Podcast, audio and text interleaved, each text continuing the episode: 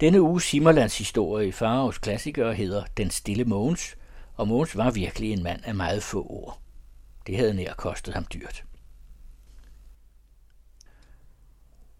Nu om stunder elsker bønder folk hinanden lige så yndeligt som de fine, sagde Kirsten med. Hun sad midt i en glad juleslagtning mellem fruentæmmerne og pindede pølser, med tykke messingbriller uden på hovedklædet, funklende af lune, spilfuld af stærke ungdomsminder. Øh, som jeg siger, nu til dags er folk mere kælende og ømskinnet end i fordomstid. De har lært, hvad der skal til. De kan sådan sige det, er fremtalende om, hvad de fornemmer, og skal have guldringe til vidderlighed, og sidde og slæge for hinanden højt op i storstuen, og gå spaceregang og lyde på fuglene. Folk læser meget i albenakker, hvor præster er et andet slag nu end før i tiden. Bønder folk må ikke være søndere mere. Det skulle vi være i min ungdomstid. Ellers var nåden jo ikke til noget. Det kan også godt være, at der er ligesom mere følelse mellem folk i vores dage, og det vil jeg ikke have forandret. For der er flere, der trænger til at blive følt for nu om dagen, end der var før, og som tiden er huer også folk. Men i min ungdom var det anderledes. Vi var jo sådan nogle grove kroppe, for vågen. Ja, som I selv var vi så. Vi vidste ingen besked med det inden for vores sideben, der skulle lede og styre os. Vi var simpel folk. Der var ingen til at beskytte os uden os selv, og vi klarede os da forresten helt godt, så længe det var det grove arbejde, der skulle gøres. Det værste og det bedste her i verden har skaberen selv sørget for. Det behøver ikke at læres. Sandelig nej. Det falder mere hårdt at lægge det af. Det var det, der pinte os, skulle jeg tro. Men øh, sådan er det ikke mere. Nu bliver godt folk deres børn lagt til med meget hovedbrud, og elsker vi hinanden, eller elsker vi ikke hinanden, og kan vi bære ansvaret, skal vi så, eller er vi for fornemme til det, sådan videre med mange paragrafer. Ja, vi andre, vi gik i rask om kul. Gamle Kirsten gav her sin tale et drøjt ordsprogligt eftertryk, hvor når hun gjorde sig tyk som en høne og skrukkede himmelhøjt. Men, vedblev hun klog og fornøjet, mens hun ivrigt stoppede en ny pølse og prikkede den i skinnet for at få luftblæren ud. Så forklagede vi heller ingen, når vi kom til skade. Nej, det var ikke mange fejl grovere, end at vi jo selv kunne begå dem. Og det kan nu aldrig gå helt galt, når der ingen steder står skrevet, at det skal være så stort og godt alt sammen. Når ens tid, det der skal ske, vil have sin gang, bliver det til vor velsignelse. Det er min tro. Jeg kommer til at tænke på Martine, Justes datter i Stenbæk. Ja, hun har været død i årringer, og der er ingen af jer, der har set hende eller kan huske hende. Se Martine, men jeg vil hellere fortælle jer det sådan, som det kom. I skal ikke høre inden på historien først, bedte piger, for så er det ingen lære for jer. Så kunne I alle sammen have været lige så kloge. Martine var den vildeste og kønneste pige i Stenbæk og i mange byer deromkring. Hun kunne få hvem hun ville have. Hun blev bejlet til alle kalene, men hun gav dem nej hver en. Martine ville ikke giftes, for det var ikke hendes tid endnu. Den skulle komme. Jeg tjente for pige på Stenerslev gård dengang. Ikke fordi jeg behøvede det, men for at lære de fornemme folks håndtering. Jeg var en tøs på 16 år, og jeg kan tro, jeg var nysgerrig. Der passerede ikke meget, som jeg ikke gjorde mig langøret efter, og det er mange miles omkreds. Jeg har altid søgt oplysning, ret som om jeg vidste, at jeg skulle blive gammel og være den, der kunne fortælle. Jeg kendte godt Martine. Jeg var en af de første, der vidste besked, skønt det, der skete, var en hemmelighed. Siden, der ingen længere kunne tage forarvelse, blev det stille bekendt. Alle folk vidste det, men snakkede ikke om det. Det var ikke Martine til nogen skam. Ja, nu er de jo døde, hvem det hele vedrørte. Martine blev skændt en Sankt Hans nat. Kirsten så sig omkring og nikkede Tine imod hver enkelt af pigerne, der gav deres skræk og nysgerrighed luft i sukkende udråb. Hun blev ved at tige og nyde pigernes minespil, som udtrykte mere og mere spørgende ved. Ja, hun gjorde, sagde Kirsten om sider og nikkede af, meget tilfreds med virkningen af sine ord. Ja, hun gjorde bedt piger. Hun blev skændt, som i krigens tid, en Sankt Hans nat. Og nu skal I høre. Der blev blusset den aften af de unge op på den store bagnehøj Stenbæk Hede. Det er over et halvt århundrede siden nu. Jeg var jo også kommet med, og det var som den allerførste gang, jeg fik lam en Sankt Hans aften. De havde givet mig en af de små kale på gården, og der gik mange dage hen, inden vi turde se til hinanden. Så en selig var vi begge to. Kalene dengang var ligesom mere sky af sig, end de er nu. Sådan er lavet til. Jeg kunne også fortælle jer en historie om en kal, der både lå på sine knæ og bad noget lidt for sig og græd og måtte købe sig fri med en flaske brændevin, da han var blevet alene med pigerne i engen, og de ville kysse ham med magt. Sådan en red en var den kald, jeg fik til ham. Vi blev begge to lige røde i hovedet, når vi mødtes, længe efter. Se Mogens, som jeg nu skal fortælle om, han var nu ikke af den slags, for vi må vel ikke kalde en kald ondselig, der kan få sig til at gøre det, Mogens gjorde. Skal du, vil jeg ikke kalde ham heller. Men han var sådan et stille menneske. Ja, det var Mogens. Han havde det på den måde, at han ingenting kunne sige. Han var fra en stille gård. Jeg kan fortælle jer, at i min ungdom var der gårdsteder, hvor der ikke blev sagt et enligt ord dage igennem, hvor de gik og passede, hvad de skulle, og tav til, og var lige gode venner for det. Ikke at de var kede af det, men, men hvad, der var jo ingen årsag til at snakke. De savnede det ikke. Mogens var fra sådan et sted. Han overdrev det nu. Jeg har aldrig kendt et menneske af så få ord som han. Øh, der var dem, der ville påstå, at han var stum, men det er nu ikke sandt, for jeg har da hørt ham sige både nej og ja. Men der var ikke meget mere at snakke om, når han først havde ytret en af delene. Han skadede visselig ikke noget på tungebåndet sådan, men give en forklaring, udtale sig, bruge flere ord ad gangen. Det var ikke Mogens' sag. Det kunne han ikke. Veltalenhed lå langt fra ham. Mogens og Martine var med til det blus. De havde ikke fået hinanden til lam. Det var ikke sådan, det begyndte. Men Mogens forså sig på Martine den aften, og det, så der var ingen råd for det. Det gjorde de da forresten til håbe.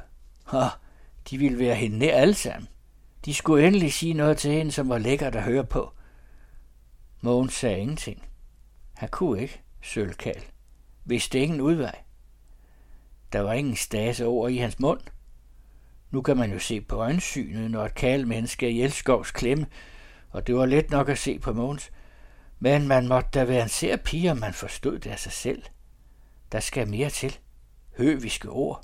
Og vil du have mig, og du er endda køn, og alt det der, jeg ved nok. Mogens sagde ingenting. Okay, nej. Men da blusset var brændt ned, og Martine gik hjem, så mødte hun Mogens i heden. Hun havde været i følge med flere, men de skulle være til sin kant, en efter en anden, og til sidst kom Martine til at gå ene. Juste skår og lå for sig selv mellem bakkerne ved Stenbæk Å. Mogens havde spekuleret ud, at hun ville komme til at gå alene det sidste stykke, og var gået i forvejen og havde gemt sig i heden. Han ville vel sagtens bare påse, at hun kom godt hjem. Lige med et rejser han sig op af lyngen foran Martine, og kunne jo ikke sige det ord. Hun blev forskrækket, som der ikke underligt var, og gav et brøl fra sig, og det blev hørt af flere af dem, hun havde været følge med. Men de troede, det var et vildt dyr eller en anden uting, og gik ikke efter det. Og så gav Martine sig til at rende. Det varede længe, inden nogen hørte noget igen. For den mellemtid rendte Martine for sit liv op i heden med Mogens efter sig. Det er sjældent, en pige kan bjerge sig ret længe for at kalfolk ved at rende fra ham, men Martine holdt ham hen på den måde i det meste af en time. Hun var mageløs god til at løbe, var Martine. Og når en drives ud af sit vid af skræk, kan man holde længe ud. Men Mogens indhentede hende jo til sidst, og havde han haft et tungt mæle før, så var han nu gået rent af talens brug, af forpustethed og græmmelse over Martin løb fra ham. Og så var det, ja, så var det, han greb til det sprog, som ingen af jer bitte piger må forstå, før I har lært det godvilligt i uskyldighed. Bed til jeres Gud, at I ikke må blive undervist, sådan som Martine blev det. I behøver ikke at være tungnem for at lide det, hun led. Folk, der lå i deres senge i Stenbæk, hørte, hvor hun brølte og bad for sig, men de troede, det var vilde dyr, der krængede hinanden i heden, og stod ikke op for at gå efter det. Hun vældede så grådigt, at ingen hørte igennem til den menneskelige røst, og hun brød sådan med ham, at der blev en oprevet plet i heden, som om et kreatur havde brødet der. På den plet fandt de siden det meste af et menneskes hovedhår. Så blev det stille. Men en halv stunds tid efter, da det var næsten lys dag, blev hendes brøl hørt igen, og der skal jo nok have klaget sig så umenneskeligt, at folk troede, det var ellekonen, der lå under jorden og barslede. Der havde Mogens tumlet omkring med hende og haft hende nede ved åen for at drukne sig med hende i forstyrrelse over ikke at kunne snakke og få hende gjort klogt på sit hjertelag. Og der var hun rent fra ham, og han havde så jaget hende rundt mellem bakkerne og ikke vidst, hvad han skulle sige, og de havde stridt med hinanden på liv og død. Der blev fundet flere steder, hvor jorden var brødet op. Martine var en stærk og før pige, men her kunne hun jo ikke stå sig. Åh, det skulle have været mig, udbrød Kirsten, og så sig om med øjne, der udfunklede trusler bag de stærkt forstørrende brilleglas. Det skulle bare have været mig. Jeg skulle have et mig gennem struben på ham. Jeg skulle have bidt ham, slået ham, sparket ham, krattet ham ihjel. Hvis jeg da ikke godvilligt havde kysset ham, tilføjede hun med pludselig sænket stemme, og hun slog øjnene ned og bøjede hovedet på skrå over arbejdet, der ustandsligt gik hende for hånden, mens hun fortalte. Kirsten skød ryg og lå så godt, at ikke en lyd hørtes. Nå, sådan kom Martina afsted. Så gruslig en Sankt Hansen at skuen opleve. Men dermed er historien jo ikke forbi. Dagen efter brændte Justes gård. Ingen vidste noget om, hvad der var sket om natten.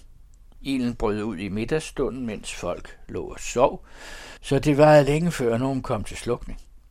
Og gården lå jo langt fra byen. Det var ellers en skøn ildbrand, sådan at se. Mig og så pigerne og kalene fra Stenerslev var på høslet i engen og lå og fik os vores middagssøvn i stakkene, da jeg vågnede ved en hund tude for lig. Og da det var sært ved højdags tid, vågnede jeg ved det. Som jeg nu vendte mine øjne mod lyden, ser jeg den sorte røg pulse til himmels fra et sted op i heden, som lå bag ved brinkerne, men jeg fattede da straks, at det måtte være Justes skår, der brændte. Ilden sprang og slikkede inden i røgen. Det så grusligt ud, og jeg vældede, og vi kom på benene. Kalene smed deres træsko og rendte alt, hvad de kunne, men jeg tog mine i hånden, for jeg ville ikke træde på gløderne, når vi kom derop med de bare fødder. Vi var de første, der kom til gården. Den stod i lue fra hjørne til hjørne, brændte lige op i luften. Det var en stille dag og solskin. Jeg tror da nok lurerne rakte lige så højt op i vejret som et kirketårn. Den rene skære ild, som man knap kan se ved dagslys. Men røgen var hæslig sort og væltede til himmels med større fart, end fugl kan flyve, og det er måske en firing vej ret op i luften, så man blev både svimmel og vild af at se derop. Det knagede og sprang i tømmeret, og ilden suste og slog skrald, og bedte børn den varme, der var, da vi kom ned til gården. Man skulle ikke tro det, men mange alen fra gården, hvor hverken ild eller røg nåede hen, der kunne luften skære en i kinderne som en kopkniv og tørre en ud ved tænderne, så man ikke kunne snakke. Da vi kom ned til gården, hørte vi hestene skråle og sparke, så det tordnede i spilbommene. De var ikke kommet ud af stallen. Kalene sprang der ind i gården. Porten brændte over dem, og her så de manden, just, rende med svedet hår og mosle med en spand i hænderne. Han var gået halvt fra forstanden og vidste ikke, hvad han gjorde. De stemte staldøren ind med et læssetræ, og en bit kal fløj ind i røg og ild og skar grimeskafterne over. Det var ellers mit lam, der gjorde det, så nu var han ikke undselig. Det var på den høje tid, for var hestene blevet mere vilde, havde de aldrig sanset at finde døren. Nu kom de ud den ene efter den anden nok så villigt. Den sidste med manken i brand, og da de først var ude i gården, satte de galop gennem porten og ud på ægerne og slog op og vendte hovedet og vrinskede, som om nu skulle vi ellers have tak, nu ville de ikke være i sådan en gård mere. Kreaturerne var i marken og kom ikke noget til, men der brændte ikke så få grise, og det var en ynk at høre på. De vældede og klagede sig jammerligt, og vi hørte dem springe op og kratte med benene ind i svinestien for at komme ud. En fandt på at ramme en bjælke gennem ydermuren og lave et hul ind til dem, men der var de døde på nær en, som kom ud med alle fire ben brændt over. Den løb på stumperne, det arme uskyldige dyr, og en kunne ligefrem høre på grøntet, hvor det lindede, da den blev stukket og kom af med livet. Ved det lag var der kommet en håben folk til hele Stenbæk by med brandhage og stiger for at redde. Sluk var umuligt. De stødte karmene ind og prøvede at trække noget af bohavet ud med brandhagerne, men det blev ikke til meget. Næsten alting brændte. Vi kunne stå og se, hvordan bordet inde i stuen brændte, indtil ølkovsten kom i kog og sprak, hvor den stod. Vi så skabene brænde og skillerierne på væggene og sengene og alting. Men så lige med et begyndte folk at råbe og løbe forstyrret omkring mellem hverandre, og vi hørte Justes kone græde og jamre så ulykkelig, at det ikke var til at tåle. Hun havde ligget besvimet ude i kålgården lige fra manden havde hjulpet hende ud af sovekammervinduet, og da hun nu kom til sig selv, spurgte hun konerne, der var kommet og sad hos hende, hvor Martine var. Martine? Hvor var Martine? Jo, de troede alle sammen, at hun var i engen med kalen og pigen, og at de lå nede i stakken og sov. Nej, nej, nej. Martine lå og sov til middag inde i huset. Og sød Gud, de måtte holde moren, for hun ikke skulle rende ind i ilden, og der lå hun og råbte på Martine som en elendigt væsen, og nu vidste vi det alle sammen. Og det var jo en gro. Det var ikke til at bære. Jeg blev som om hele mit bryst ville krænge sig ud af min mund. Martine kaldte vi. Martine, Martine. De løb rundt om huset så tæt som de turde og så ind gennem vinduerne, for om de kunne få øje på hende. Hun var ikke at se nogen steder. Åh, men selvom de havde fundet hende, var det jo unødigt, for stuerne inde i huset var allerede brændt i et. Skillevæggene var falden, og loftet begyndte at synke under kornet, som brændte ovenpå. Det var en hvid ildovn derinde, så der var ikke tanke om, at Martine kunne være levende mere.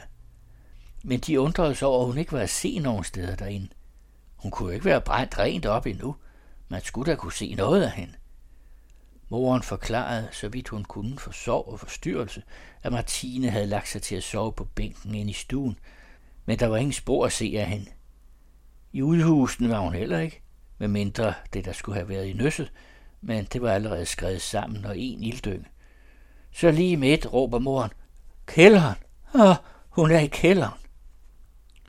Og hvordan hun nu kunne komme i tanke om det, det ved den alvidende. Se, det kunne hun ikke. Kælderen i huset var jo som på de fleste gårde kun en grav i jorden under spisekammeret med en lem ned til, og ellers ingen udgang.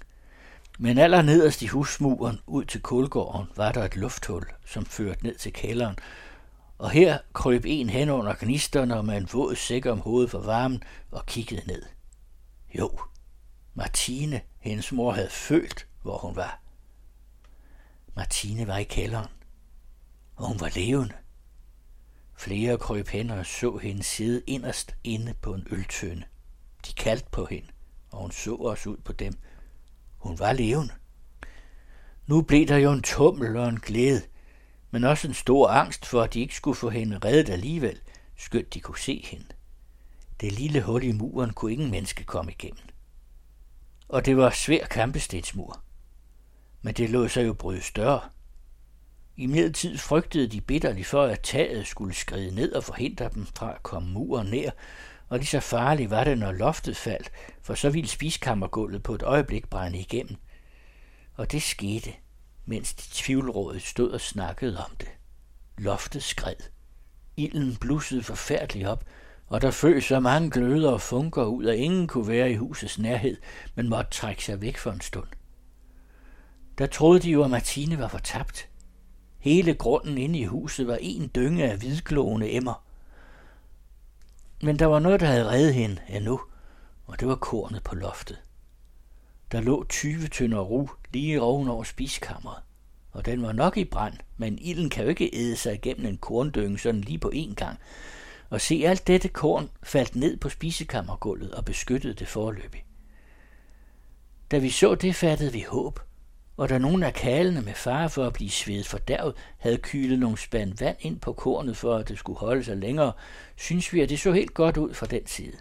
Men nu var der taget, som vi kunne vente ville skride hvert øjeblik. Der blev der også hittet på råd. De kørte en vogn ind i kulgården og rejste den på skrå op imod muren med hjulene i vejret, sådan at fadingen dækkede over kælderhullet, og oven på vognen spredte de sække, der hele tiden blev pjasket igennem med vand. Nu kunne man da krybe ind under vognen, skønt der var en varme til at bage brød ved under den. Og skulle taget sig skride, så kunne det ikke begrave nogen og heller ikke lukke for hullet i muren. Da det var gjort, tog de fat med stålstænger og hammer på at bryde muren. Kirsten sukkede dybt ud. Ja, det var en dag, jeg aldrig skal glemme.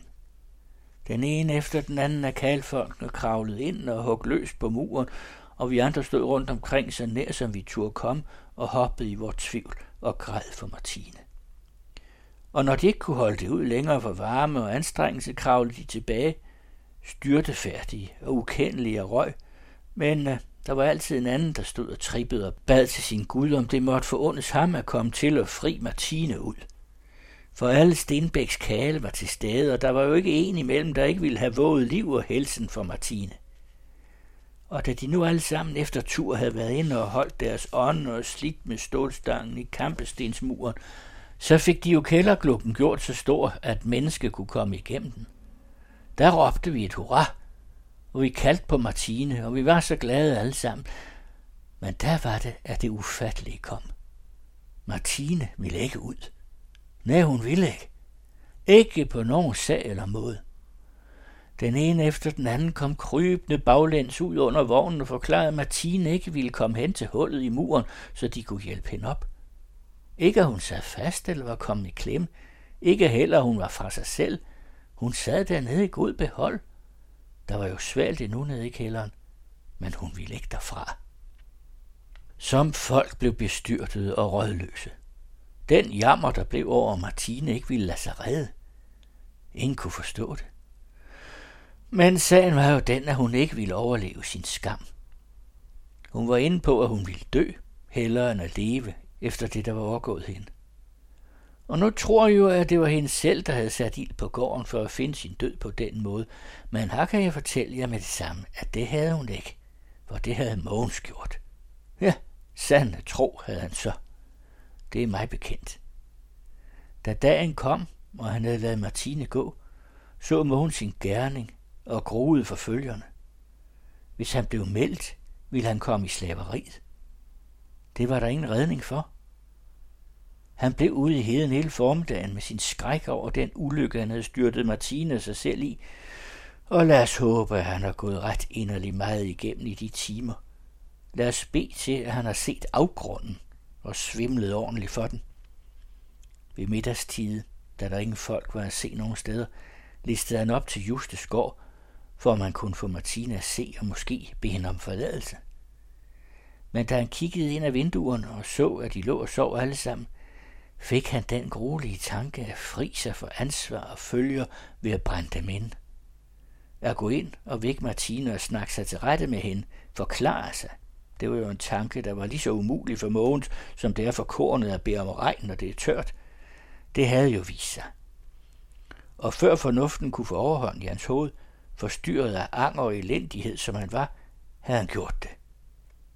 Noget måtte der jo køres. Det er så nemt at rive en svoglstik og sætte den til et tagskæg, og jeg spørger mere om, hvad det er, der til daglig forhindrer os fra at gøre det. Ingen så Mogens' udåd, og han slap også væk fra gården uden at blive set. Men sådan var ilden opstået, og da Martine vågnede op og så, at det brændte, slog det hende som en styrelse. Nu kunne hun dø, uden at hendes ulykke blev bekendt for et eneste menneske. For ikke at blive fundet og båret ud, havde hun så fjælet sig i kælderen. Den skulle være hendes grav, og ilden skulle dække til over hende. Åh, der har aldrig været set sådan en sorg og bevægelse, som da Martine i en stenbæk ikke ville lade sig redde. Og kalene bad og tækkede hende og lå på jorden og græd for hende. Det er aldrig før kommet frem, hvor alverden holdt af og længtes efter en eneste pige. Havde de ikke bejlet før kalene, så gjorde de det nu, og det er hver for sig med alle de bønder og anråbelser og tårer, der er givet et menneske. Men hun ville ikke komme. Hendes elendige mor krøb på sine knæ ind til hullet i muren og kaldte på hende og lokkede for hende, som da hun var en bit pige. Det nyttede ikke. Hun bad i den dybeste kval og pine og vred sine hænder, men Martine ville ikke komme. Der var nogen, der mente, at hun ikke skulle tages for tilregnelig, men der en skulle krybe ned og trække hende ud med magt, for de kendte jo ikke årsagen til hendes beslutning. Men det blev ikke gjort. Der var ingen, der ville lægge hånd på hende, og en, der vil dø, skal man jo heller ikke forhindre dig i, for det er at blande sig i skæbnen, ligesom det åbner for dødsriget at genopleve folk, der har hængt sig. Da Martines mor så, at ingen jordiske ryster mere nåede hende, forlangte hun i sin utrøstelighed, at der skulle gå bud efter præsten, for at hendes datter kunne blive berettet, inden hun døde. Og der blev også sendt en vogn afsted efter præsten. Men der var en, der kom før end ham. Det var en, der ikke kunne bære sit nag og sin frygt, og det var Mogens.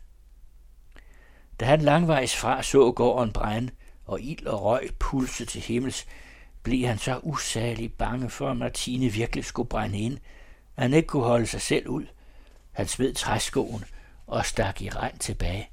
Han løb sig hoserne af fødderne og hatten af sit hoved, og sådan kom han til gården med frode for tænderne og øjnene ud af hovedet. Han kom lige, som der var hårdt brug for ham.